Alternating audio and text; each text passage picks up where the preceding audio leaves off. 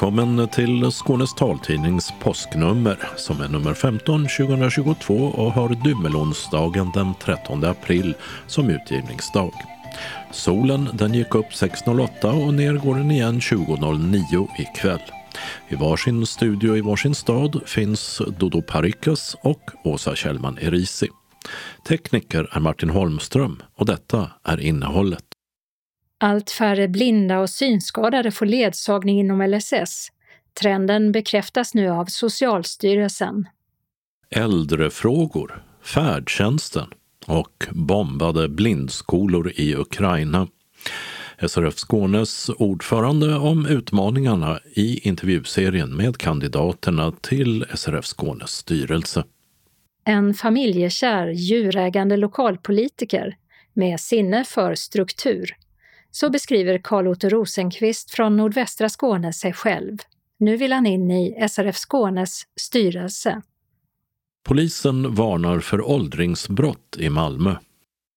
Liberalerna har en ny partiledare. Så här ser han ut.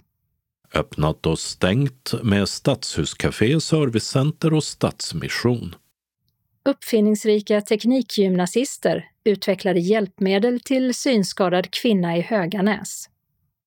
En medmänniska att prata med, men ingen praktisk hjälp. Vi ringer Skånetrafikens trygghetslinje. Espresso, bryggkaffe och fikarast. Kaffetåren håller Sverige igång. Men vad vet du om den mörka drycken som är ämnet för årets påsktävling? Evenemangstips så med vårsång och sommarartister. Kalendern med vårpropp och valdrama. Anslagstavlan innehåller regionala och lokala meddelanden samt tillfälliga ändringar i busstrafiken och sist kommer som alltid redaktionsrutan. Allt färre synskadade får ledsagarservice enligt LSS, lagen om stöd och service för vissa funktionshindrade. Det visar ny statistik från Socialstyrelsen. År 2010 var det 2 484 personer som hade ledsagarservicen och i oktober 2021 var det 855 stycken. En minskning med två tredjedelar. Som lagen är skriven ska synskadade ingå i den så kallade personkrets 3, som ger rätt till ledsagning. Men under många år har lagen tolkats annorlunda i allt fler fall och det har blivit allt svårare att få ledsagning enligt LSS. Vid avslag hänvisas synskadade till att söka ledsagning hos kommunen enligt socialtjänstlagen och då som socialt bistånd upp till så kallad skälig levnadsnivå. Vad det ska bedömas vara kan skilja sig åt mycket mellan olika kommuner och handläggare. Och även där har bedömningarna blivit mer restriktiva, vilket för den enskilde i praktiken ofta lett till mindre ledsagning på sämre villkor. Synskadades riksförbund har länge slagits emot den här utvecklingen, som de menar leder till ökad isolering, ekonomiska svårigheter och problem att delta i samhället på lika villkor och ett mänskligt lidande för många gravt synskadade.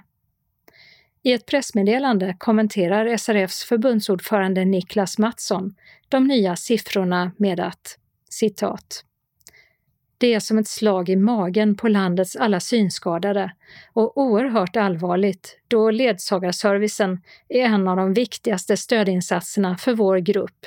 Slutcitat. Rapporten från Socialstyrelsen visar också att antalet personer med någon form av LSS-insats gått upp med en knapp procent mellan 2020 och 2021. Förra året var det totalt 76 700 som hade minst en insats enligt LSS, som till exempel daglig verksamhet eller en kontaktperson. Vem ska styra SRF Skåne? Vi fortsätter vår intervjuserie med de som kandiderar eh, för en plats i styrelsen. En som inte kommer att ha någon motkandidat är den sittande ordföranden som också sitter i SRFs förbundsstyrelse och sedan några månader är den Europeiska blindunionen EBUs generalsekreterare. Jag heter Maria Torstensson. Jag blir 58 år i sommar och jag eh, bor i Bjärlöv utanför Kristianstad. Är gift med Knut som är blind, liksom jag. Jag har två barn som är över 30. Ehm, jag har också ett barnbarn, Berfin, som är två månader gammal. Så jag är helt ny mormor. Helt fantastiskt. Mm. Det har gått 11 år sedan eh, du blev ordförande första gången för SRF Skåne. Varför kandiderar du för ett år till? För att jag fortfarande tycker att jag har saker att dela med mig och ge av till distriktet. Jag ser fortfarande stora fördelar med att jag är aktiv på många olika nivåer inom organisationen. Det känns som att det fungerar väldigt bra. Utmaningar finns det väl ett antal. Vilka är de viktigaste frågorna som du skulle vilja driva och jobba för under det kommande året? Ja, det är ju ett valår som alla vet och vi har ju fem frågor som vi främst kommer att jobba med. Och av dem så tycker jag att äldrefrågorna som kommer inkludera digitalisering, utbildning, rehabilitering, ja, det kommer inkludera det mesta och det är väldigt många som det berör. Äldrefrågor, är det då synskadade äldre bara du tänker på? Eller finns det någon koppling ja, till det, ja, främst så är det äldre synskadade som jag tänker på. Många av dem är inte kanske medlemmar hos oss, men det kan ju vara intressant för dem att få veta att det finns en organisation som man kan få hjälp av genom erfarenhetsutbyten och så vidare. Sen så har det ju visat sig nu här under pandemin att hemtjänsten som många äldre har, alla har det naturligtvis inte, men många har det, den är ju så att man får väldigt många som kommer hem till en. Och är det så att man har hemtjänst kanske flera gånger om dagen och det kommer olika människor hela tiden så är det ju väldigt, väldigt osäkert och kan kännas väldigt stressande för många människor. Och framförallt om man då är synskadad, för då ser man kanske inte heller vem det är som kommer. Så att det, det är någon, en fråga som vi nog kan samarbeta kring med andra organisationer också. Digitalisering har ni pratat om tidigare, att många synskadade ju står utanför den revolution. Det mm. gäller ju många andra äldre också som ser. Ja, absolut. Det är ju en, en stor, stor fråga tror jag och det kommer bli en stor fråga i, i den här valrörelsen. Det är jag övertygad om. Och exempelvis 1177 är ju någonting som vården hänvisar en till när man ska beställa en tid eller vad det nu är för någonting man ska göra. Den är ju relativt svår. Jag ska inte säga att den är otillgänglig, för det är den nog inte. Men däremot så kan den vara svår om man inte är van vid en dator eller vid en smart telefon och försöka komma in där. Eh, och det tror jag är en sån sak som kommunerna och synenheter, eller synmottagning som det heter nu för tiden, måste jobba mer med. Habilitering och rehabilitering, hur funkar det mm. idag och hur ser du framåt? Ja, eh, vi har ju fått ett projekt från Region Skåne där vi håller på nu och anställer två stycken personer som ska sköta utbildning av smarta telefoner för främst äldre, men naturligtvis yngre också om de aldrig haft en smart telefon och lära sig grunderna. Det här kanske man tänker att det här har ju varit synenheten som skulle ha gjort tidigare men det har inte riktigt eh, varit tillräckligt så därför vill väl regionen nu se om det kanske kan fungera bättre hos oss. Så att det ska bli väldigt spännande att se hur det kommer avlöpa. Färdtjänsten, en klassisk fråga. Mm. Färdtjänsten har ju varit väldigt mycket på tapeten här i Skåne i och med att det är flera stycken som har fått avslag. Sen är det någon som har fått, eh, fått rätt i alla fall och fått tillbaka färdtjänsten. Så det, det är jättebra och fantastiskt roligt. Sen så de allra flesta som söker idag får färdtjänst. Det måste man ju också poängtera.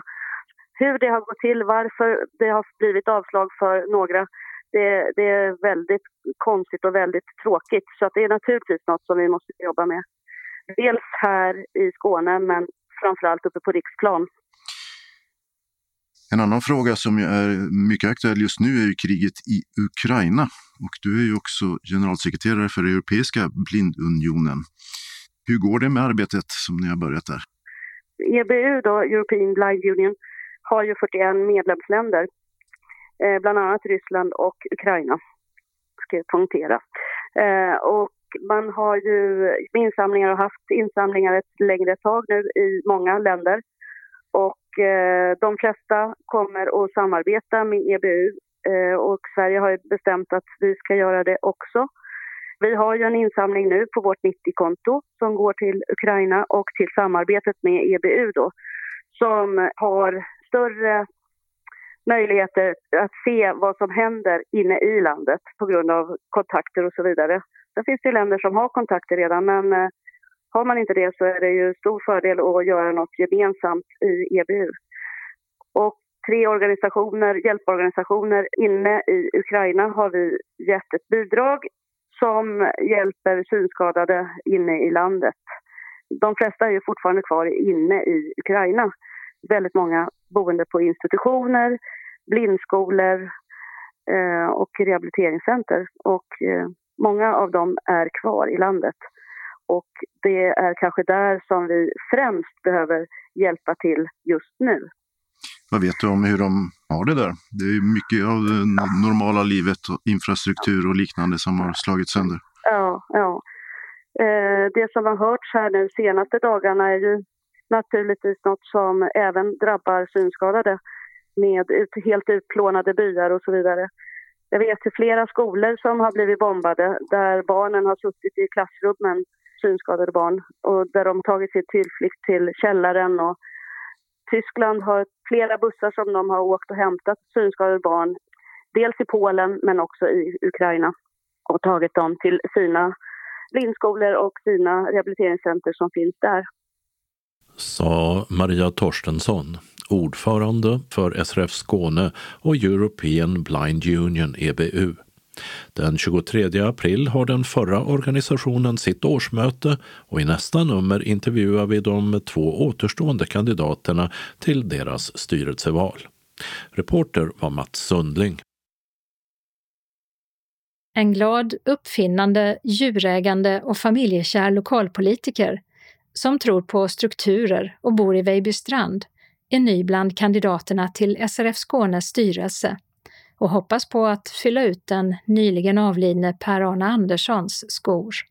Jag heter Carl-Otto Rosenqvist, är 46 år, har retinitis pigmentosa och eh, bor lite norr om Ängelholm.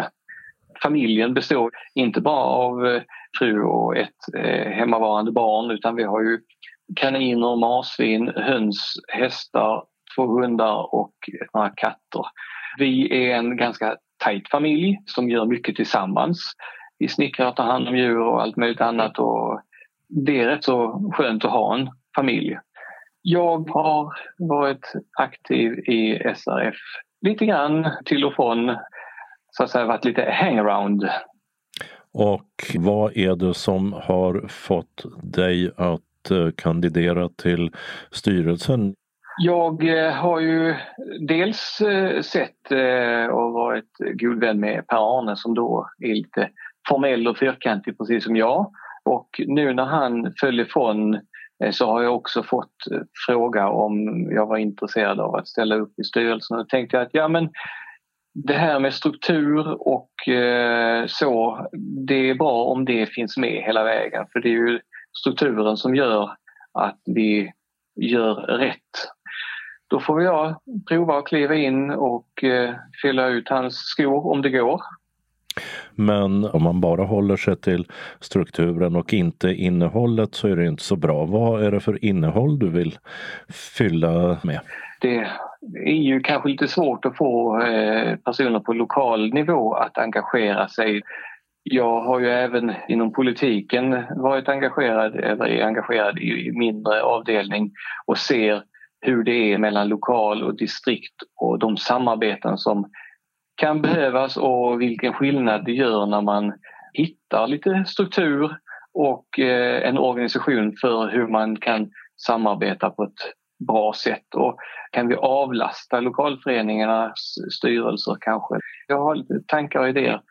Distriktet ska ju inte ta över allt utan vi behöver lokala engagemanget men det ska ju inte tynga dem heller. Så därför tänker jag att eh, det är väl ett sådant innehåll som jag skulle vilja jobba med. Sen har jag ju också erfarenhet eh, av politisk organisation eftersom att jag själv eh, verkar i en sådan. Så jag har ju god koll på hur man kan i det intressepolitiska arbetet kanske skjuta in sig på rätt personer eller på rätt sätt, formulera sig på olika sätt och försöka hitta vägar för att få fotfäste för de frågor som vi har och jobbar med.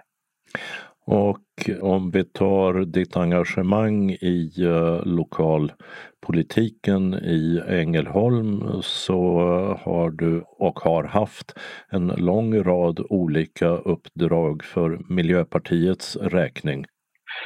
Jag är ju då gruppledare för Miljöpartiet och sitter med i den blågröna ledningsgruppen. Där har jag ju med mitt sätt att eh, leda eller mitt sätt att vara fått eh, ganska bra gehör. Lägger man fram det på rätt sätt så kan man ju få andra med sig. Är det en eh, fördel eller en nackdel när du nu hoppas på att komma in i SRF-sammanhang att du har den här bakgrunden?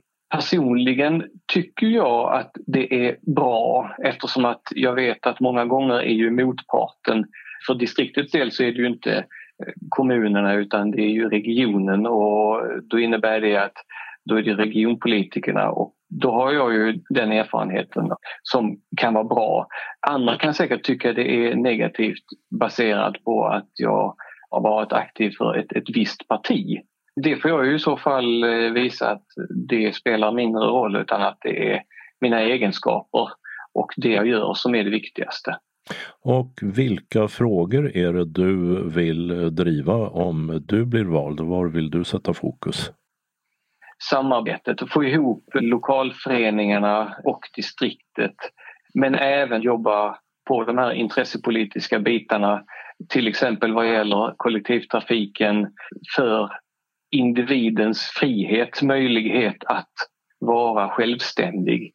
Om jag får utbildning på till exempel en telefon eller en dator så kan jag göra saker själv om vi ser till att det finns ledstråk, att det finns utrop eller vad det nu skulle kunna vara eller helt nya idéer som man skulle kunna göra för att sänka trösklarna för självständigheten så kommer ju individen att blomma ut eftersom att man kan göra vad man vill när man vill istället för att vara beroende av hemtjänst eller ledsagning när det funkar eller passar eller inte passar som det tyvärr är många gånger. Oavsett område så är det mycket självständigheten och möjligheten att eh, delta på ett bra sätt i samhället. Du har ju faktiskt ytterligare ett jag och det är inriktat på tekniska innovationer och eh, programmering. Mm.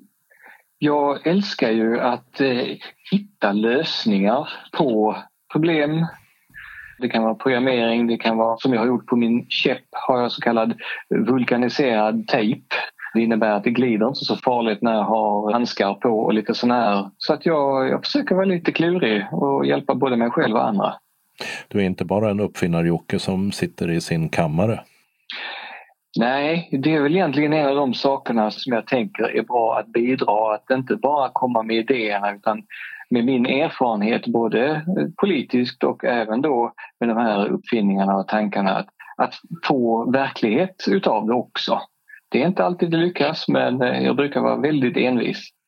I eh, det material som har gått ut till eh, SRF-medlemmar inför valet och där alla kandidater har ombetts att beskriva sig själva och sina idéer så beskriver du dig som en gnu. Jag har en bild här från Wikipedia. Det ser ut som en korsning mellan en ko och häst och det är väl inte det som avses? Nej, glad, nyfiken och uppmärksam. Man får oftast mycket, mycket bättre respons om man är glad än om man är genuint arg hela tiden för då blir motparten eller den man ska arbeta tillsammans med lite rädd och avvaktande. Nyfiken, jag vill hitta nytt.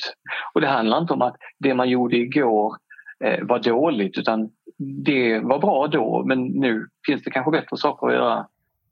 Det sa Carl Otto Rosenqvist, en av valberedningens kandidater till SRF Skånes styrelse.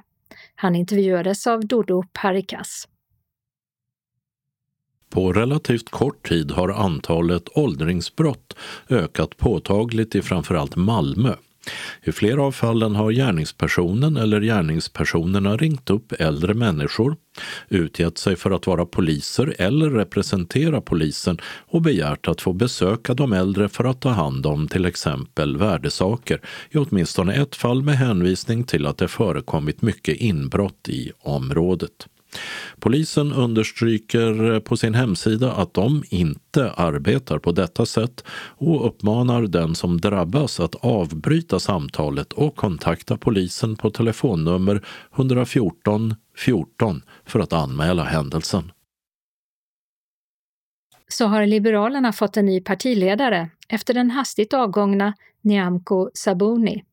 Det är juristen, riksdagsledamoten och tidigare fotbollsspelaren Johan Persson från Örebro, som senast var partiets förste vice ordförande. Föddes gjorde han 1968 och så här ser han ut. Avlångt ansikte åt det fyrkantiga hållet, mellan eller mörkblont hår som vid tinningarna övergår via grått till vitt. Ganska kort, gråvitt skägg och mustasch rätt liten näsa, ljust blå ögon och en panna med få rynkor. På huvudbilden på partiets hemsida har han mörk kavaj med partisymbolen, ett blått L, på slaget, ljusblå skjorta och mörkblå slips med ljusblå krumelurer. Öppnat och stängt i Malmö har Statens servicecenter invigts i köpcentret Entré vid Värnhem av civilminister Ida Karkiainen. Där samsas Arbetsförmedlingen, Försäkringskassan, Skatteverket och Pensionsmyndigheten. Alltihopa i Entrés mindre byggnad Torghuset. I Malmö har Ikea öppnat en butik inne på andra våningen på Triangelns köpcenter. Här finns bland annat textilier och inredningsdetaljer. I förstone planerar man att ha öppet i ett år. Och i Helsingborg på NSRs återvinningscentral Välavägen 222 tar man numera hand om begagnade IKEA-möbler som repareras och säljs vidare. Är de i alltför dåligt skick så går de till materialåtervinning. Och på Väla köpcenter i Helsingborg har ett tusen kvadratmeter stort nytt restaurangtorg i två plan öppnat. I Landskrona stadshus har ett nytt café plus lunchrestaurang öppnat på bottenvåningen med en dryg månads försening på grund av en vattenskada. Caféet är öppet för allmänheten. I Kristianstad har delikatessaffären Butik Smaka, som skrivs med C, öppnat på Döbelnsgatan 8. Också i Kristianstad har Stadsmissionen lagt ner sin second hand-butik på Östra Boulevarden. Snart går de ut sitt fjärde gymnasieår, eleverna på Kullagymnasiet i Höganäs, och kan titulera sig gymnasieingenjörer. Och som en försmak på vad som kan vänta när de så småningom är i arbete och kanske utvecklar föremål som andra ska använda, så har personer med funktionsnedsättning gett dem uppdrag att uppfinna hjälpmedel som de saknar i sin vardag. Synskadade massören Maria Rosenqvist önskade sig bland annat något som gjorde att hon kunde tända värmeljus utan fumlande och brännskador. Och vi ska strax träffa henne. För en sval vårdag så var det dags att se hur det gått för bland annat teknikeleverna Viktor Nordblad och Felix Alberg, som jobbat med ljuständaren. Vi kommer in i klassrummet när läraren Merdad Ansari inlett lektionen. Ska ni berätta lite om er projekt? Hur långt har ni kommit, Viktor och Felix? Det är inte mycket skillnad, men eh, ändå några förbättringar. Det är liksom den förra röda, den var typ så här lång. Och nu istället så är den längre och den är då avskuren här. För just denna tändan så sitter den typ rätt bra. Och den, men jag ska ta ett ljus också lite snabbt. De ringde och frågade, finns det någonting som är synskadad? Skulle behöva hjälp med som vi kan lösa. Och min första tanke var, eftersom de kontaktade mig under höst-vinter, var värmeljusen tycker jag är jättesvåra att tända. Antingen med tändstickan när man ska känna veken och komma nära, då är det lätt att bränna sig. Och de här långa tändarna, braständerna. det är ju en utopi att veta var tändaren börjar och var veken finns. Det var en tjej som var synskadad. Hon masserar folk och eh, ljus tända. Och hon hade väldigt svårt med de olika tändare för att eh, hitta veken. Så eh, vi ville hjälpa henne på ett sätt så hon kunde lätt hitta veken utan att behöva råka skada sig eller något sånt. Hur har det varit att, att träffa de här ungdomarna som håller på med det? Helt otroliga. De är superduktiga och intelligenta och sprutar idéer. Det, det vi har då kommit på är liksom en, den här grejen, det är detta vi har kommit på. Det är då en, eh, man, så man sätter, man sätter då på en tändare med lång hals och då en gaständare. Så kan man dra på den och sen så lägger man då ljuset här i hållaren. Eh, Viktor här har ju mest jobbat på att CAD-rita och konstruera den här uppfinningen. Sen har jag kommit på med lite så här idéer och förslag om hur vi ska förbättra den och då har ju vi liksom hållit på med det här eh, CAD-programmet. CAD är ju då ett program där man 3D-designar den här produkten. På skärmen med musen? Precis. Och därefter så använder vi en slags USB-sticka där man för över de här ritningarna till en 3D-printer som då skriver ut den här i verkligheten. Så det behövs inte ett kontrakt med en plastfabrik som fixar det där utan ni gör allting från start till landning? Exakt, det är vad vi gör. Ingår det en tanke om att få ut det här på marknaden på något sätt? Våra lärare har ju snackat om det. För vi har sökt ut på internet och eh, vi har inte hittat en enda produkt som är liknande detta. Och liksom söker man på tändare för folk med synskador så hittar man ingenting. Typ. Vi hittar någon sida där det står något tips om hur man kan tända ljus men liksom, det finns inget hjälpmedel, ingen eh, produkt som hjälper en att tända ljuset. När Viktor Nordblad och Felix Ahlberg och deras klasskamrater snart slutar sitt fjärde gymnasieår så är det som gymnasieingenjörer. Och här har de alltså arbetat med att ta fram produkter speciellt för personer med funktionsnedsättning. En av de andra eleverna visade till exempel en både snygg och praktisk duschstol. Men deras lärare Merdad Ansari påminner om att allt de här eleverna så småningom som yrkesverksamma ska designa och utveckla måste vara tillgängligt. Det är oerhört viktigt. Nu för tiden om man jobbar som ingenjör, det är en av de kraven som finns i alla branscher. Om du jobbar som ingenjör, du måste tänka på tillgänglighet. Att alla personer med alla typer av funktionshinder kan använda den där produkten. Antingen det är tjänst eller produkt. Det blir mer och mer krav. Byggingenjören måste tänka på tillgänglighet när de designar och ritar ett hus. Elingenjörer måste tänka på det. Alla produktutvecklare måste tänka på tillgänglighet. Du har inte sett eh, resultatet av det här än alltså? Nej, det har jag inte gjort. Jag fick se en prototyp. Är det spännande? Jättespännande, för det löser ju ett praktiskt problem.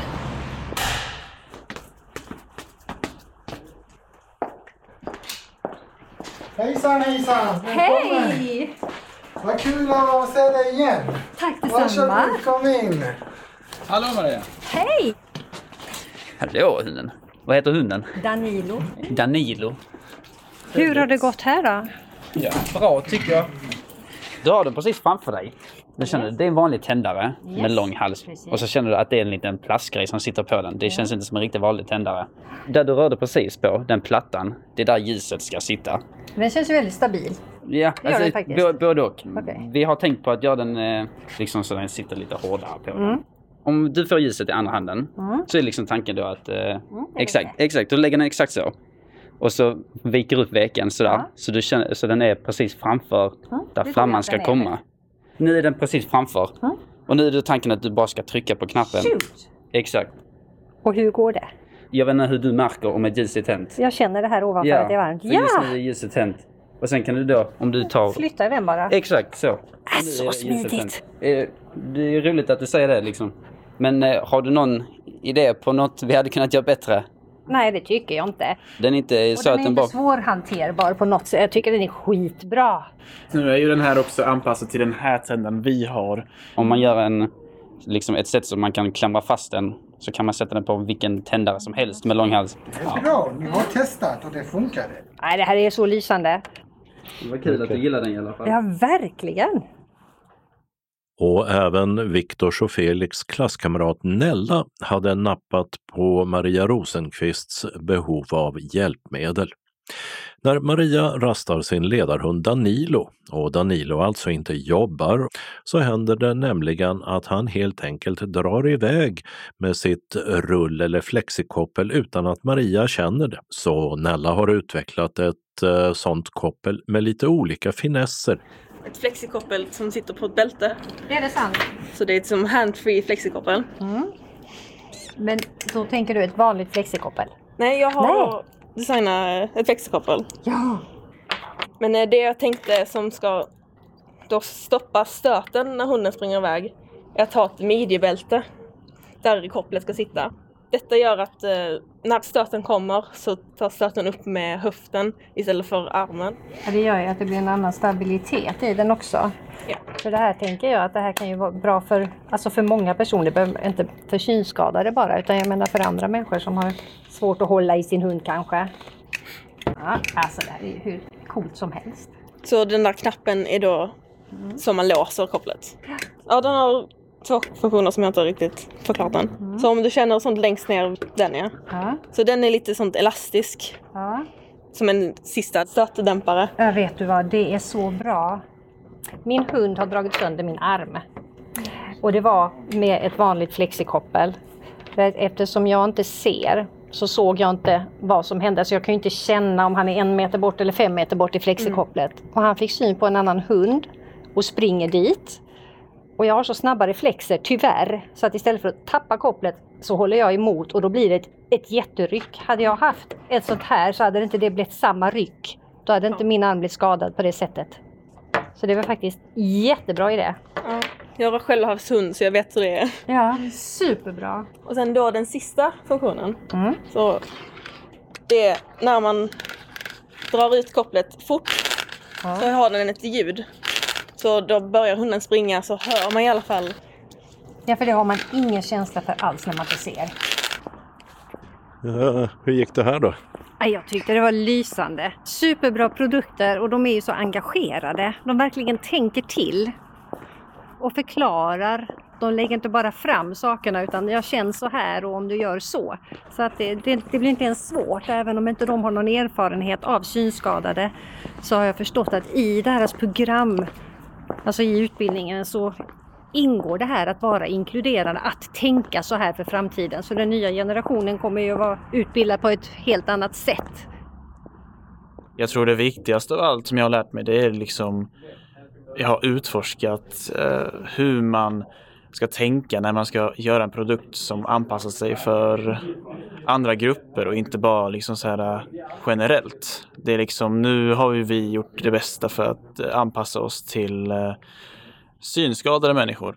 Men nu när efter vi har gjort den här prototypen så har jag ju fått det liksom i åtanke att det kan ju alltid vara bra oavsett vad man skapar att veta att det finns människor som har problem med allt från syn till känsel till eh, kommunikation till eh, ja, massa olika grejer. Och det är väl det jag har lärt mig mest att det handlar nog inte bara om att göra produkten så fin och eh, så bra som möjligt utan den viktigare frågan att ställa sig själv är ju kan alla använda den? avslutade Felix Ahlberg, som tillsammans med Viktor Nordblad arbetat med att ta fram en ljuständare för synskadade, en ljusbistå, eller som killarna säger, ljusbisto, på uppdrag av Maria Rosenqvist. Vi hörde även Nella Rosenqvist, som inte är släkt med Maria, och läraren Merdad Ansari.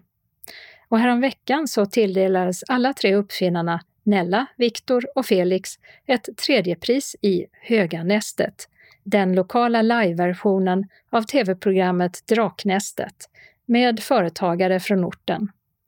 Idén till att eleverna skulle samarbeta med personer som har en funktionsvariation kom ursprungligen från kommunens tillgänglighetssamordnare. Reporter var Dodo Perikas. I snart ett och ett halvt år har Skånetrafikens trygghetslinje varit i bruk. På anslag uppsatta på hållplatsstolpar och på skärmar på tågen kan man läsa att om man känner sig otrygg på något sätt så kan man ringa 0771 87 87 87. Men vad händer då? Vi provringde.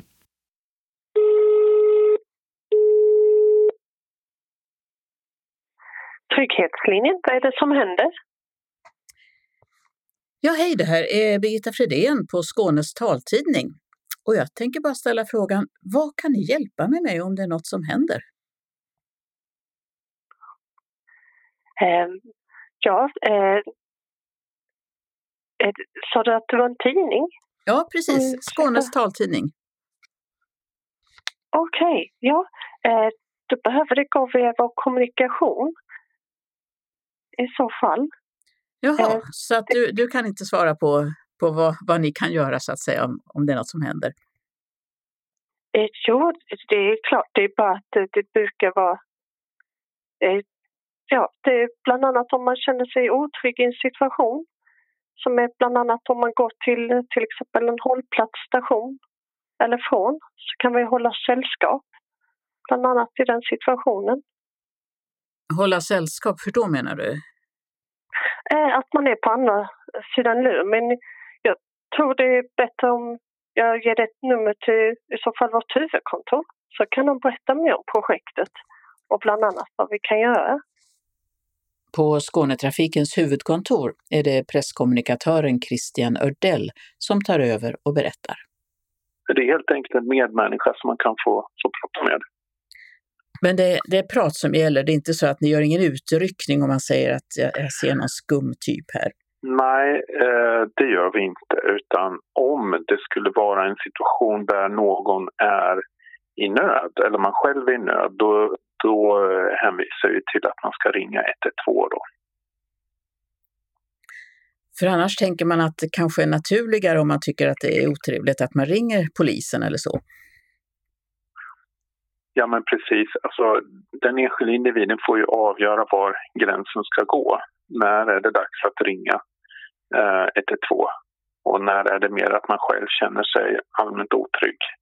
Det, det får individen bedöma, det kan inte vi eh, bedöma. Men det är klart att om det blir ett samtal där vi känner att ja, här finns det liksom en hotsituation eller en, det hänt en olycka eller någon är skadad eller så. Det är klart att då, hem, då vill ju vi att den som ringer ska ringa 112. Hur många samtal får ni? Ja, det har inte varit så många samtal. Eh, vi införde det här eh, hösten 2020. Så jag skulle tippa att det är under 200 samtal totalt. Så det är inte alls särskilt vanligt att man ringer det här numret. Har du någon uppfattning om vad de här samtalen har handlat om?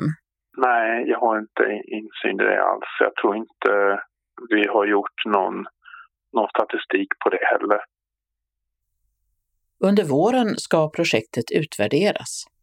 Att det drogs igång berodde inte på att det var någon särskilt otrygg situation i Skåne, utan eh, regionpolitikerna inspirerades av sina kollegor i huvudstaden, säger Christian Ördell. Politiken eh, hade sett att eh, SL i Stockholm har, har haft en sån här trygghetslinje och tyckte att det kunde vara en bra idé att testa samma sak här i Skåne. Men man kan inte rakt av jämföra SLs eh, trygghetslinje med allt vad det innebär för de har väktare och helt annan personal på stan och sådär. Det har inte vi. Utan vi har ju valt att köra en enklare version i, i form av eh, telefonkontakt. Eh, en del som väl känner sig osäkra, otrygga, det är ju synskadade som ska gå från en hållplats och så. Kan de få någon hjälp av er? Alltså det här, det här numret är ju främst till för om man känner sig otrygg. Och, och självklart så kan ju vem som helst ringa på det här numret oavsett vilket funktionshinder man har. Men vi har ju inget speciell tjänst inrättad just för synskadade. Det har vi inte i det här fallet. Ingen ledsagningshjälp? nej, det ingår liksom ingen praktisk hjälp annat än att man har en medmänniska att tala med. Ett annat trygghetsprojekt som Christian Ödell vill berätta om är de flexibla nattstoppen som infördes vid tidtabellsskiftet i december på tio busslinjer och som också ska utvärderas till våren. Det innebär att man kan få kliva av bussen något närmare hemmet än annars. Precis, mellan de ordinarie hållplatserna. Man ska meddela föraren när man kliver på att eh, var man önskar att bli avsläppt då. Men ytterst är det ju föraren som, som gör en bedömning då var det är säkert att stanna. Det kan ju vara så att man vill hoppa av på samma ställe som förra gången men det går inte den här gången för att det kanske är en trafiksituation som gör att man ändå inte kan stanna den andra gången. Så det, det kan, ju, det kan ju vara så att föraren är tvungen att köra vidare. Men det är viktigt att ha den kommunikationen när man kliver på bussen. Och sen gäller det också mellan vissa klockslag då, så det är ju det är nattstopp, så det gäller mellan 9 och 4 på morgonen. Nu vet jag inte hur många av de här bussarna som går fram till klockan 4, men formellt sett är det så i alla fall. Men det är inte fråga om att man kan be bussen göra en liten, liten, liten omväg? Nej, tyvärr inte. För att eh, eh, tidtabellen måste ju fortfarande hållas då. Och eh, det kan ju också innebära att eh, man tvingas att vända bussen någonstans där det är osäkert. Så det, det kan innebära att man måste köra mycket längre än denna lilla, lilla avkrok som, som resenären kanske ber om. Så att tyvärr så är det så att man, man, det är någonstans mellan två hållplatser som man kan stanna då. Flexibelt nattstopp gäller på regionbussarna 506 Ängelholm-Helsingborg, 511 Kristianstad-Furuboda, 130 Malmö-Lund och 166 Södra Sandby Staffanstorp samt stadsbusslinjerna 1, 2, 3, 4 och 22 i Kristianstad och 35 i Malmö. Numret till Trygghetslinjen är 0771 87 87 87 och det anges särskilt att man inte kan ringa och fråga om tider, biljetter och priser. Skånetrafikens presskommunikatör Christian Ördell intervjuades av Birgitta Fredén. Påsken är snart här och det betyder att det är dags för en ny tävling här i taltidningen. Temat den här gången är en älskad böna som blev förbjuden i slutet av 1700-talet, men som från år 1822, alltså för 200 år sedan, är fullt tillåten att njuta av. Det handlar såklart om kaffe. Kaffe, kaffetåren den är bra. Kaffekaffetåren varje dag. Kaffekaffetåren rätt och slätt Kanske med en gräddeskvätt alla vet vi lite vart det mans att kaffetåren är en stimulans. Kaffekaffetåren lever den med fyrfaldigt hurra Tralalalalala. Se blommor på ängen, kaffe på sängen. Tralalalalala. Här bjuds det på java och inget blask.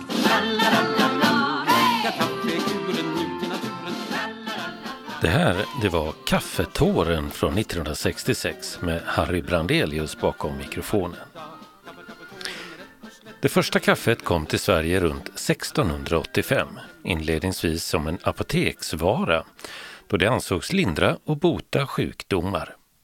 Karl XII, som upptäckt kaffet under sin tid i Turkiet, var mycket förtjust i drycken och han var en stor anledning till att kaffet blev populärt i Sverige på 1700-talet.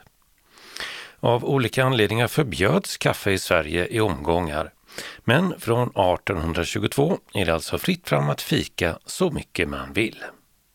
Kaffebönan som växer på buskar och små träd har sitt ursprung i ett östafrikanskt land.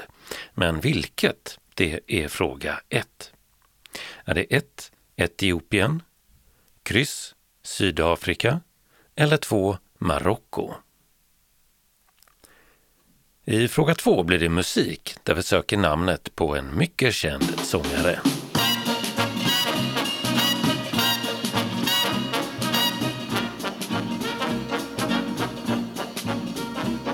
Way down among Brazilians, coffee beans grow by the billions, so they've got to find those extra cups to fill. They've got an awful lot of coffee in Brazil. You can't get cherry soda cause they've got to fill that quota. And the way things are, I'll bet they never will. They've got a zillion tons of coffee in Brazil. Låten heter The Coffee Song från 1946 och handlar om hur mycket kaffe de har i Brasilien. Landet är världens största producent av kaffe, så det stämmer nog att de har gott om kaffe. I andra frågan undrar vi, vem var det som sjöng? Var det 1. Frank Sinatra, kryss Louis Armstrong eller 2. Rod Stewart? På tal om gott om kaffe. Nu ska vi höra på en klassisk svensk sketch med Hasse och Tage som egentligen heter På jobbet fast den är nog mer känd som Spik i foten. Vi hör Hans Alfredsson vars karaktär rackar ner på allt som Tage Danielssons karaktär har att komma med. Du! Du kan få en mugg kaffe av mig om du vill. Jag har gott om kaffe idag. Gott om kaffe? Ja. Du ska inte snacka om gott om kaffe du. I Brasilien nu, där exporterar de 150 ton kaffe om dagen. Där kan de snacka om gott om kaffe. Du ska inte komma och snacka om gott om kaffe du. Ja, Du behöver väl inte ta i sådär? Du vet ju att jag är ledsen idag. Du är ledsen. Ledsen, Du, ja. du är ledsen. Du. Och den här sketchen slutar med att Hasse Alfredsons karaktär till slut avslöjar var han ska åka på semester. Och till vilken svensk ort ska han åka? Det är fråga tre. Är det 1. Mellerud, kryss, Visby eller 2. Säffle? Och så till fråga 4. En person som blandar drinkar kan kallas för en bartender. Men vad kan en person som gör kaffe på en kaffebar kallas? 1. Sommelier, kryss, barista eller 2. Rotissör. Sverige ligger i toppskiktet om man räknar hur mycket kaffe det dricks per person och land. Att fika är en grundmurad samhällsinstitution i det här landet. Och även Norge och Danmark ligger högt upp. Men etta på listan är ett annat land. Vilket? Ja, det är fråga 5. Är det 1. Island, kryss Finland eller 2. Brasilien? Idag finns en uppsjö av olika sätt att dricka kaffe på. Café au lait, espresso, cortado för att bara nämna några. I fråga 6 undrar vi vad du får om du beställer en cappuccino. 1. En extra stark espresso. Kryss. Ångskummad mjölk med pudrad kakao på toppen. Eller 2. En tredjedel espresso, en tredjedel mjölk och en tredjedel mjölkskum. I fråga 7 söker vi en artist som här framför låten Cigarettes and Coffee.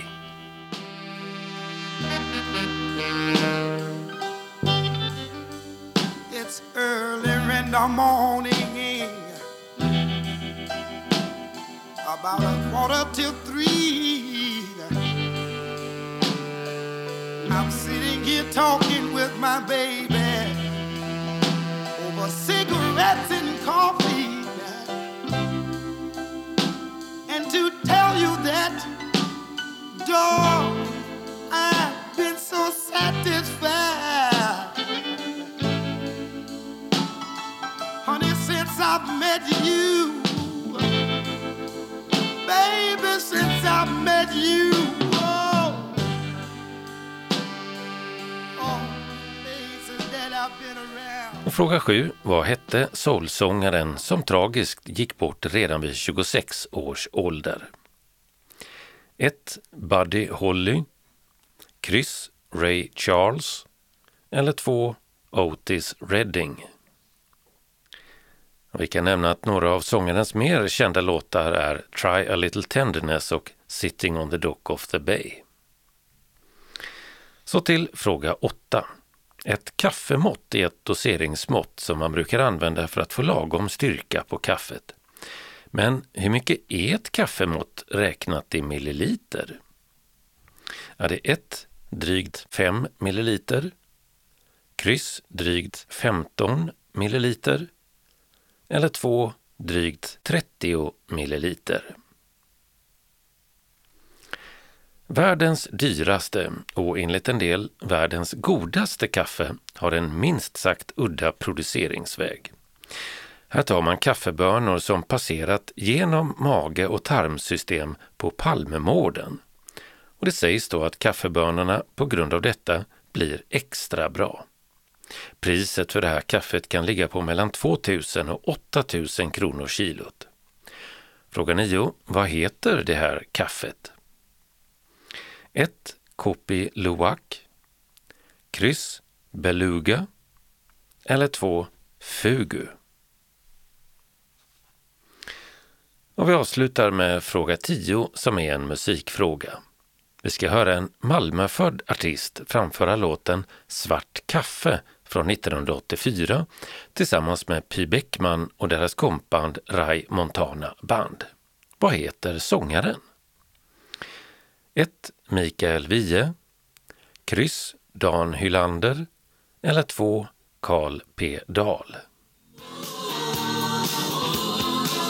Vill du ha sång till din skönhet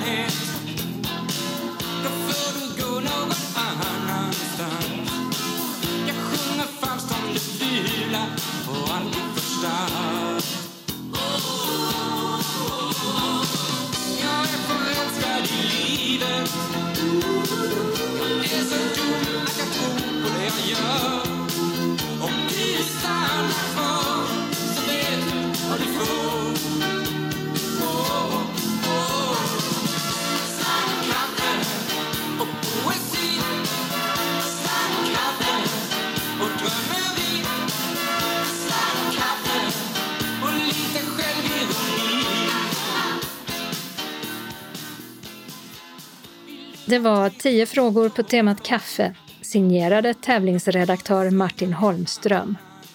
Och vi lockar som vanligt med fina priser. En ljudbok eller musik-CD i normalprisklassen plus den stora äran. Går till den med flest antal rätt. Är det fler som har alla rätt så får lotten avgöra. Men även den som inte har alla rätt kan bli en vinnare. Som andra pris låter vi en ljudbok eller musik-CD till och den låter vi ut bland alla som har skickat in oavsett antal rätt. Och som tredje pris låter vi ut en T-tröja eller mugg med taltidningens fina logotyp på. Även här bland alla som skickat in. Vi behöver ditt svar senast vid lunchtid måndag 25 april. Kontaktuppgifterna hittar du i redaktionsrutan sist i tidningen. Och för den som vill veta mer om kaffe kan vi tipsa om utställningen Kaffe, en het historia, som hade premiär i lördags på Kulturen i Lund. Utställningen visas i Textilhallen och Lundahallen fram till februari 2023. Och så till evenemangstipsen. I Spjutstorp upphörde motorträffarna för personer med stort bilintresse under pandemin. Men på skärtorsdagen den 14 april sätter man igång igen. Det är Spjutstorps IF som arrangerar motorträffarna på Bäckavallen mellan klockan 18 till 21.30 varje torsdag fram till september. Trombonisten Nils Langgren spelar solokonserten Nature Boy i Ingelstorps kyrka. Beatrice Järås är recitatör och Lollo-kören sjunger den 18 april klockan 16.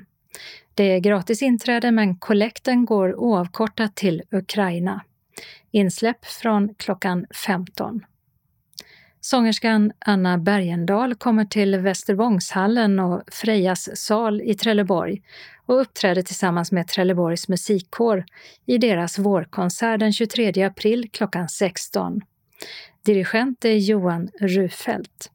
Biljetterna säljs av bland andra Söderslätts Bok och Papper på Algatan 50 i Trelleborg och Trelleborgs musikkårs hemsida trelleborgsmusikkar.se och de kostar 350 kronor.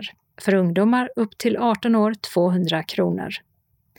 Nya svenska ord är namnet på ståupparen, tv-programledaren med mera David Sundins föreställning den 24 april klockan 18 på Helsingborgs konserthus.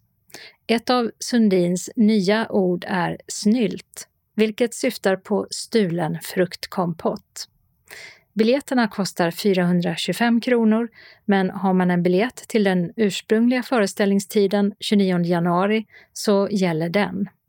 Valborgsmässoafton den 30 april eldas och sjungs våren in på många håll i Skåne. Här följer ett urval. På terrasstrapporna ner mot Stortorget i Helsingborg så sjunger manskören Kvartetterna 18 till 19 med mycket fokus på sånger av Hugo Alvén och Otto Lindblad. Höganäs manskör sjunger in våren i Höganäs hamn klockan 19. Nyhamns läge Fälad klockan 20 och Mölle Fälad 20.45.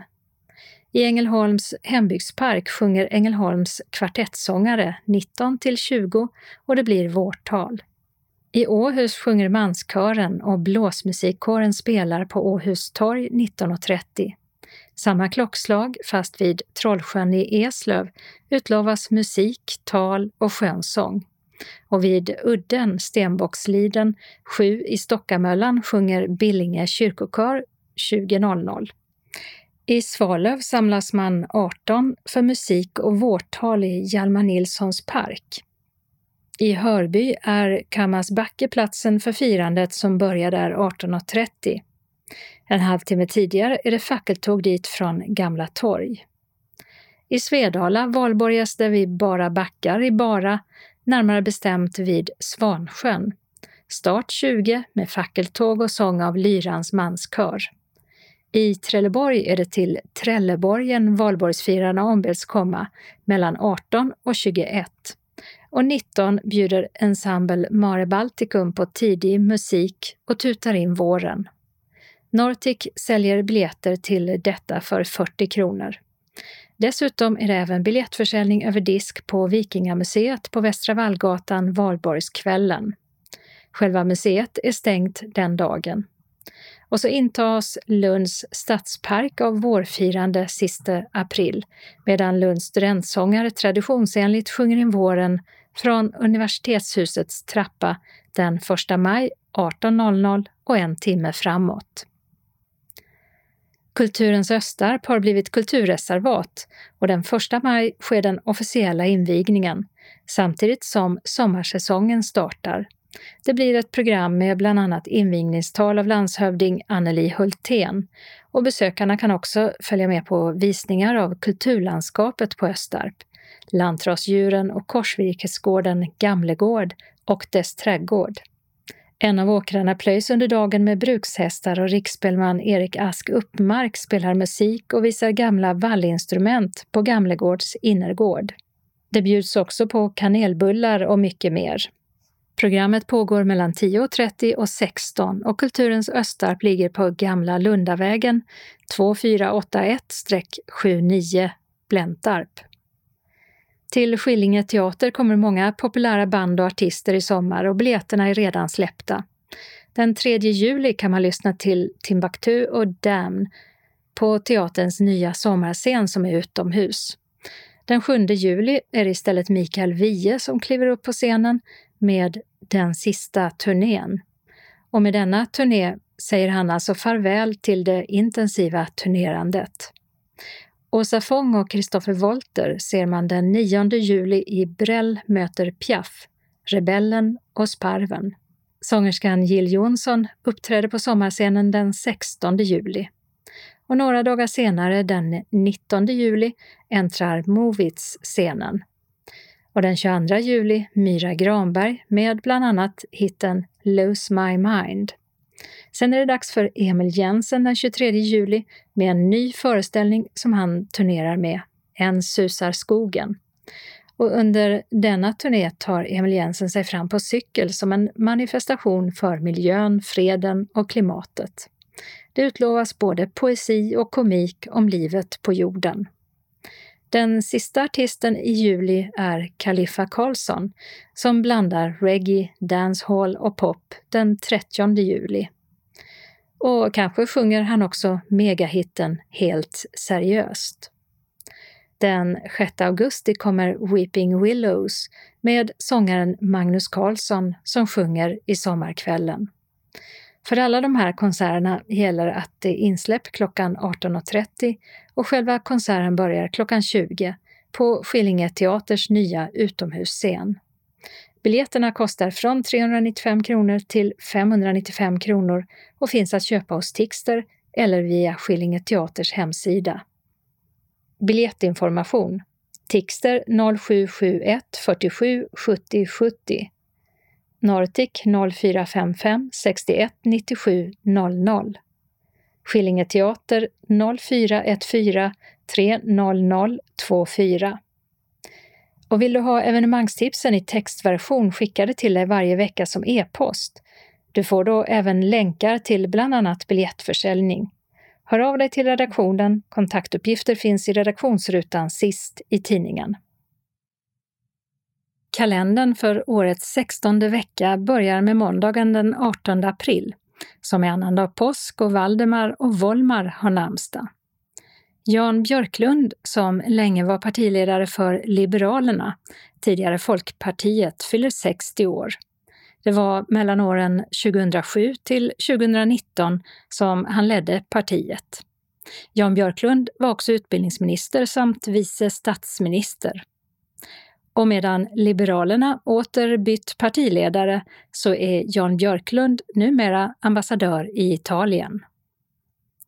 Tisdagen den 19 april presenteras regeringens vårproposition och debatteras i riksdagen. Debatten inleds med att finansminister Mikael Damberg, Socialdemokraterna, presenterar vårändringsbudgeten där regeringens förslag för ekonomin framöver finns. Och några ändringar är att ett garantitillägg till pensionärer införs och satsningar på välfärden i pandemins nya fas, samt en plan för kontrollerat mottagande och tillfälligt skydd för flyktingar. För 35 år sedan visades de tecknade figurerna i familjen Simpson för första gången i amerikansk tv och som ett kortfilmsinslag. Två år senare hade den egna tv-serien premiär och den sänds än idag. Olaus och Ola har namnsdag. Onsdagen den 20 april är det Amalia och Amelie som firar namnsdag. För 115 år sedan började de första svenska majblommorna säljas i Göteborg till förmån för tuberkulossjuka sedan Första majblommans riksförbund hade grundats där av Beda Hallberg. Numera säljs majblommor i Sverige, Norge, Finland och Estland till förmån för barn som behöver extra stöd. Torsdagen den 21 april heter namnsdagsbarnen Anneli och Annika. För 410 år sedan begravdes kung Karl IX i Strängnäs domkyrka, ett halvår efter sin död. Hans son och efterträdare Gustav II Adolf var vid trontillträdet den 30 oktober året före endast 16 år, men blev myndigförklarad den 26 december samma år. Och så fyller den amerikanske musikern, sångaren och skådespelaren med artistnamnet Iggy Pop 75 år. Hans riktiga namn är James Newell Osterberg och han har danska och norska rötter. Fredagen den 22 april är det Allan och Glenn som har namnsdag. Det är också jordens dag som instiftades för drygt 50 år sedan för att uppmärksamma miljöproblem. Och så fyller en berömd brasiliansk fotbollsspelare 40 år. Hans namn är Ricardo dos Santos Leite, men mera känd är han som Kaká. Lördagen den 23 april har Georg och Göran namnsdag. Och i England firas St. George Day till minne av landets skyddshelgon Sankt Görans dödsdag. Och firar det gör även scouterna eftersom det också är deras skyddshelgon. Det är även Världsbokdagen som Unesco instiftade för att uppmärksamma böcker och upphovsrätt. Och i Genève i Schweiz börjar curling mixed VM, där en kvinna och en man är med i varje lag. Sist men inte minst håller SRF Skåne-distriktet årsmöte i Hör och ska välja en ny styrelse bland annat.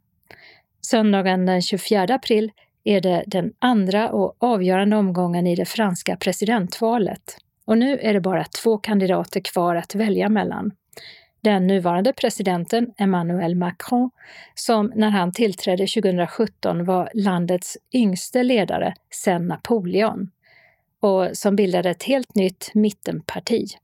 Och Nationell samlings kandidat Marine Le Pen, som är långt ute på högerkanten och har drivit frågor framförallt mot invandring. Och det är ganska jämnt mellan dem efter en första valomgång. Men Macron leder med några procent och vänsterpartiledaren Jean-Luc Mélenchon, som hamnade på tredje plats i första omgången, har uppmanat sina väljare att rösta på den sittande presidenten. Och det gör också ledaren för borgerliga Republikanerna. Medan Eric Zemmour, ute på den extrema högerkanten, uppmanar sina väljare att rösta på Marine Le Pen. En vinst för Le Pen, som tidigare markerat sin positiva inställning till Putins Ryssland, anses bland annat kunna leda till att Frankrike fjärmar sig från ett tätt EU-samarbete. Och den som vinner blir alltså vald till president i Frankrike i fem år framåt.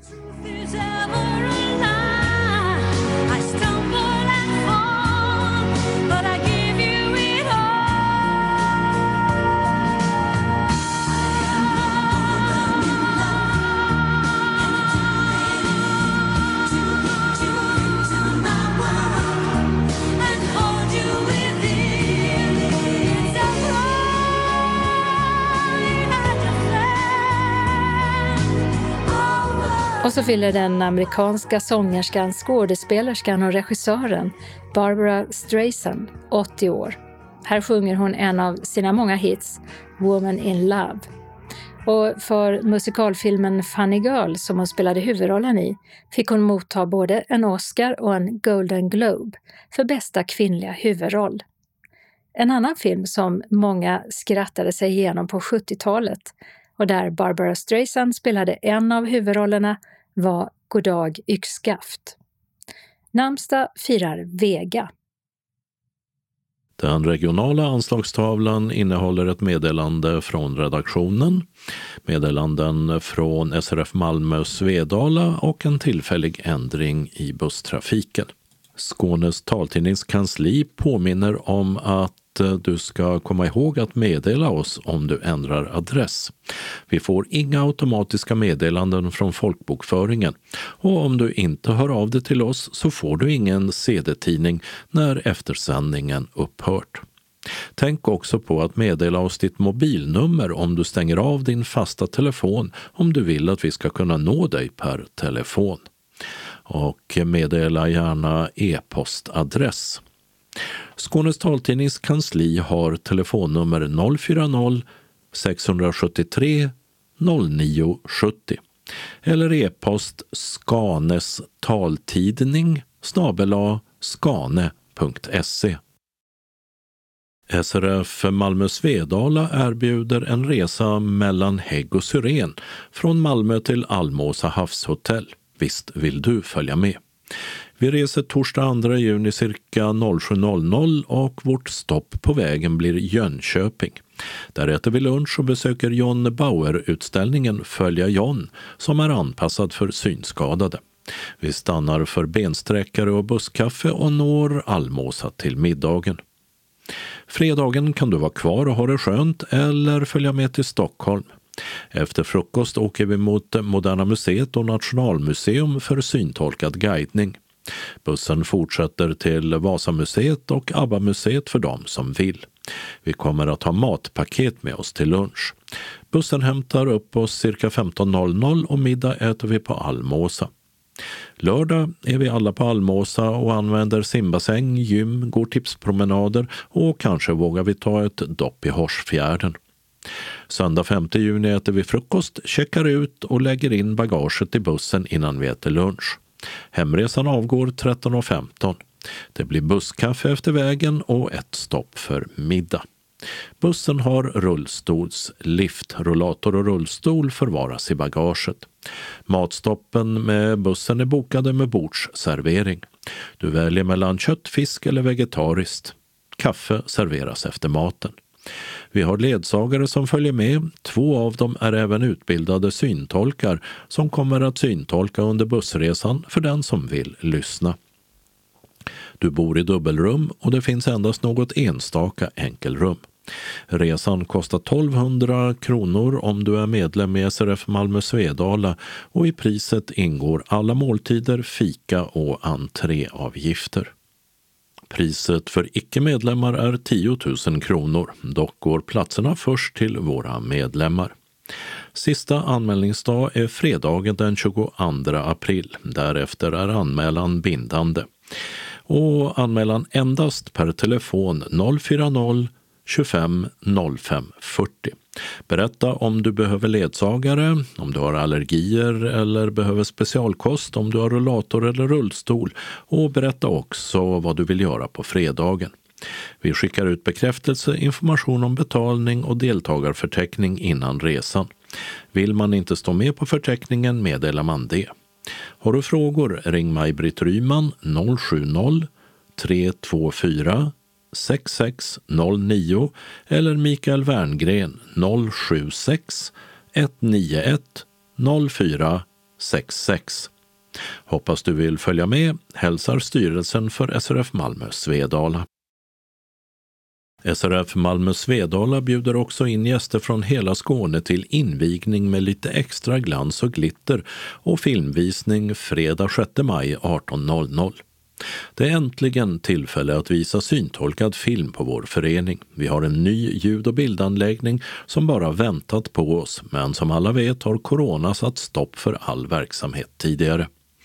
Vi erbjuder nu Sven Wolters sista film Dag för dag som även den väntat länge på biopremiär och till slut uteblev den helt. Nu kan filmen ses via C More och syntolkningen fås via Movie Talk.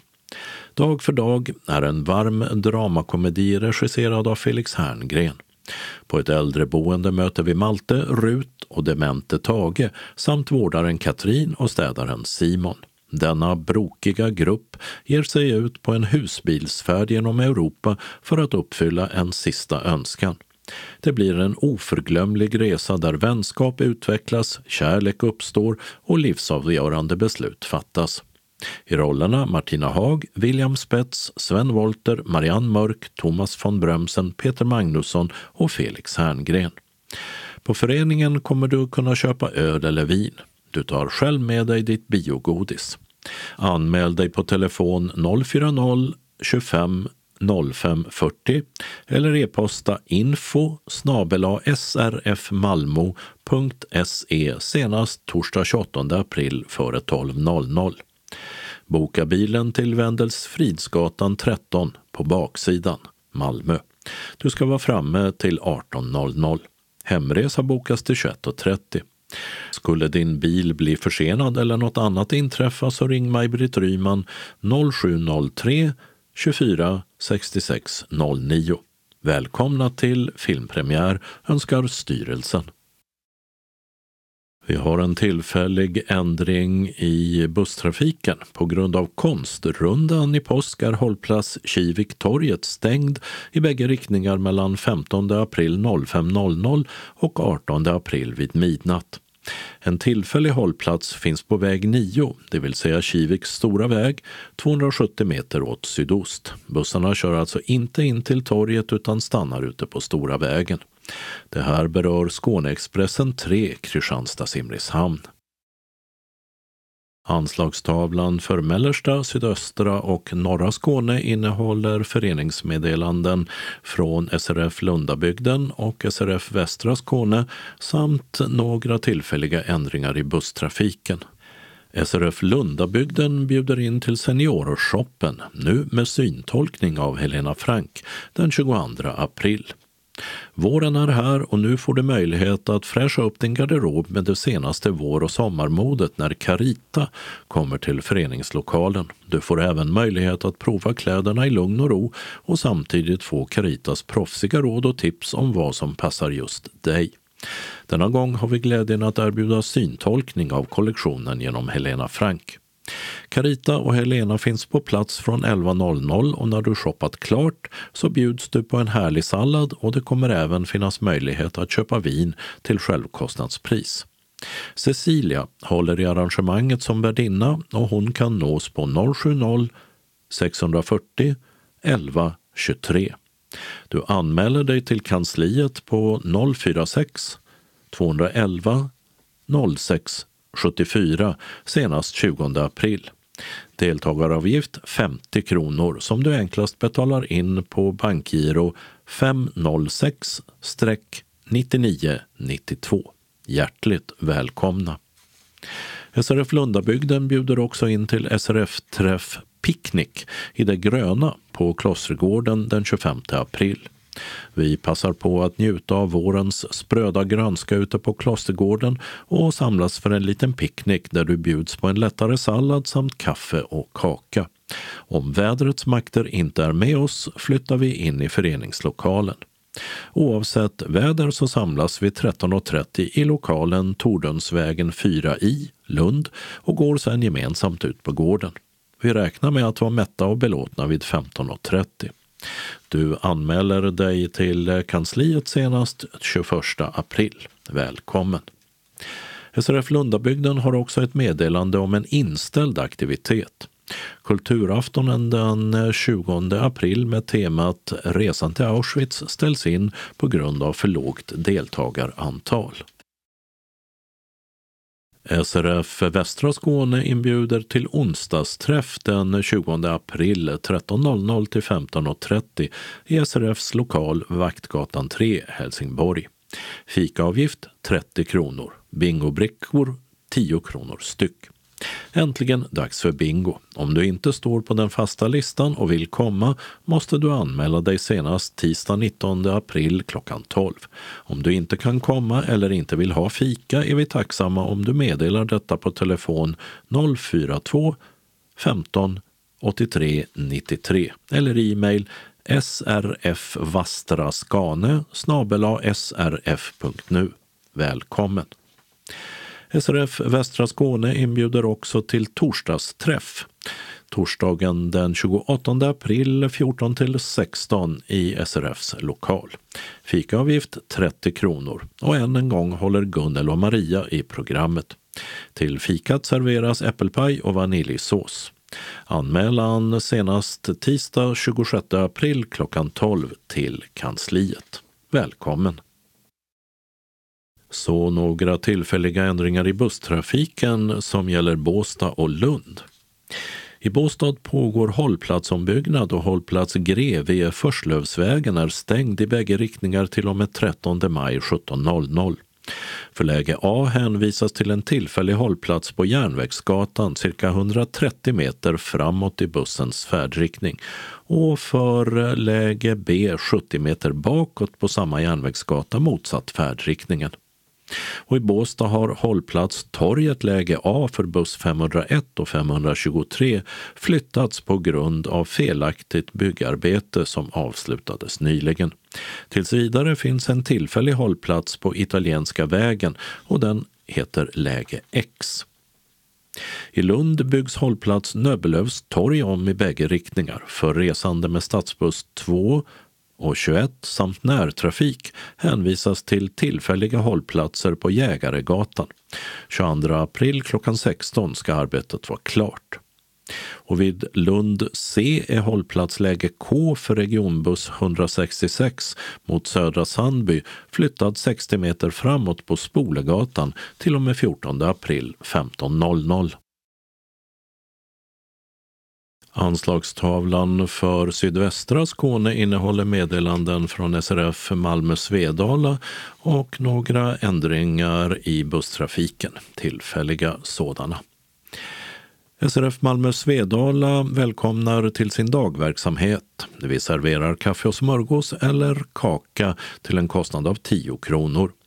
Vi vill att alla anmäler sig till kansliet, telefon 040 25 05 40 om man tänker komma på någon av dagaktiviteterna, senast klockan 10 samma dag som aktiviteten. Känner man sig sjuk stannar man hemma. Måndagen den 18 april mellan 13 och 15 är tidningsläsningen och eller frågesporten inställda på grund av att det är annandag påsk.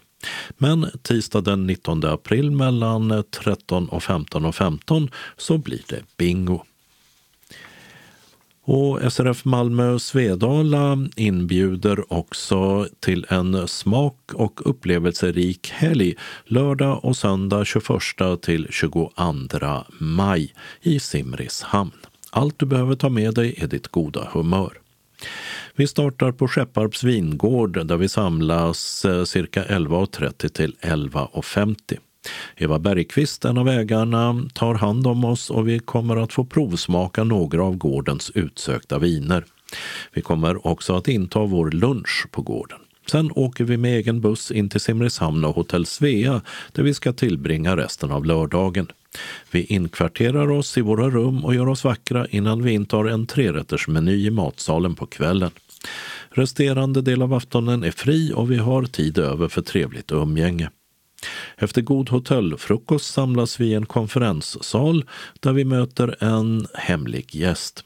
Vi äter vår lunch på Hotell Svea innan vi tar en promenad på cirka 15 minuter till Autoseum för de av oss som orkar och vill gå. För övriga ordnar vi transport där våra väskor också kommer att få följa med. Dagen avslutas med eftermiddagskaffe innan hemresa 16.00 från Autoseum. Du betalar och bokar din färdtjänst själv. Boka resan till Skepparps vingård, Verkeåvägen 56 i Kivik och du ska vara framme till 11.30 till 11.45. Hemresa bokas från Autoseum, Fabriksgatan 10, Simrishamn klockan 16. Deltagaravgift för medlemmar i SRF Malmö Svedala är 400 kronor per person i dubbelrum och enkelrum 700 kronor. I priset ingår inte reskostnad. Inbetalningskort kan beställas på kansliet. När du anmäler dig, berätta om du önskar kött, fisk eller vegetariskt och givetvis om du behöver specialkost. Observera att på Skepparps vingård så serveras fisk. Meddela även kansliet om du är i behov av ledsagare. Om du inte vill stå med på deltagarlistan måste du även meddela detta vid anmälan. Och det sker till kansliet telefon 040 25 05 40 eller e-post info srfmalmo.se och det går bra att anmäla sig från tisdag 19 april 8.30. Sista anmälningsdag torsdag 28 april. Därefter är anmälan bindande. Bekräftelse, deltagarförteckning och information om betalning av avgiften skickas ut före aktiviteten. För ytterligare frågor kontakta Maj-Britt Ryman 070 324 6609. Varmt välkomna önskar styrelsen. Vi har också några tillfälliga ändringar i busstrafiken som gäller Malmö och Svedala. I Malmö är hållplats Blidögatan för stadsbuss 32 i riktning Norra hamnen flyttad 270 meter söderut på Borgatan på grund av arbeten på Bjurögatan. Skärtorsdag 14 april 16.00 ska det vara klart. På grund av fjärrvärmearbeten i Svedala är en del av Järnvägsgatan avstängd till och med långfredag 15 april klockan 16. För regionbuss 141 hållplats Svedala Bruksgatan bägge riktningar hänvisas till Svedala Industrigatan läge A, cirka 470 meter norrut på Lundavägen eller Svedala Stortorget läge A och B uppemot en kilometer västerut på Kyrkogatan. För hållplats Svedala Segerstrand i bägge riktningar hänvisas till Svedala Stortorget cirka 500 meter västerut på Kyrkogatan. Och det var allt för denna gång. Vi önskar alla läsare en riktigt trevlig påsk och återkommer med ett nytt nummer den 21 april. Skånes taltidning ges ut av Region Skånes psykiatri och habiliteringsförvaltning. Ansvarig utgivare är Martin Holmström. Postadress Jörgen Ankersgatan 12, 211 45 Malmö. Telefon 040 673 09 70. E-post Skanes taltidning snabela skane.se och hemsida skanestaltidning.se. Observera att CD-skivorna inte ska skickas tillbaka till oss. Såväl skivor som kuvert kan läggas i brännbara sopor när ni inte längre vill ha dem. Vi hörs igen. Hej då!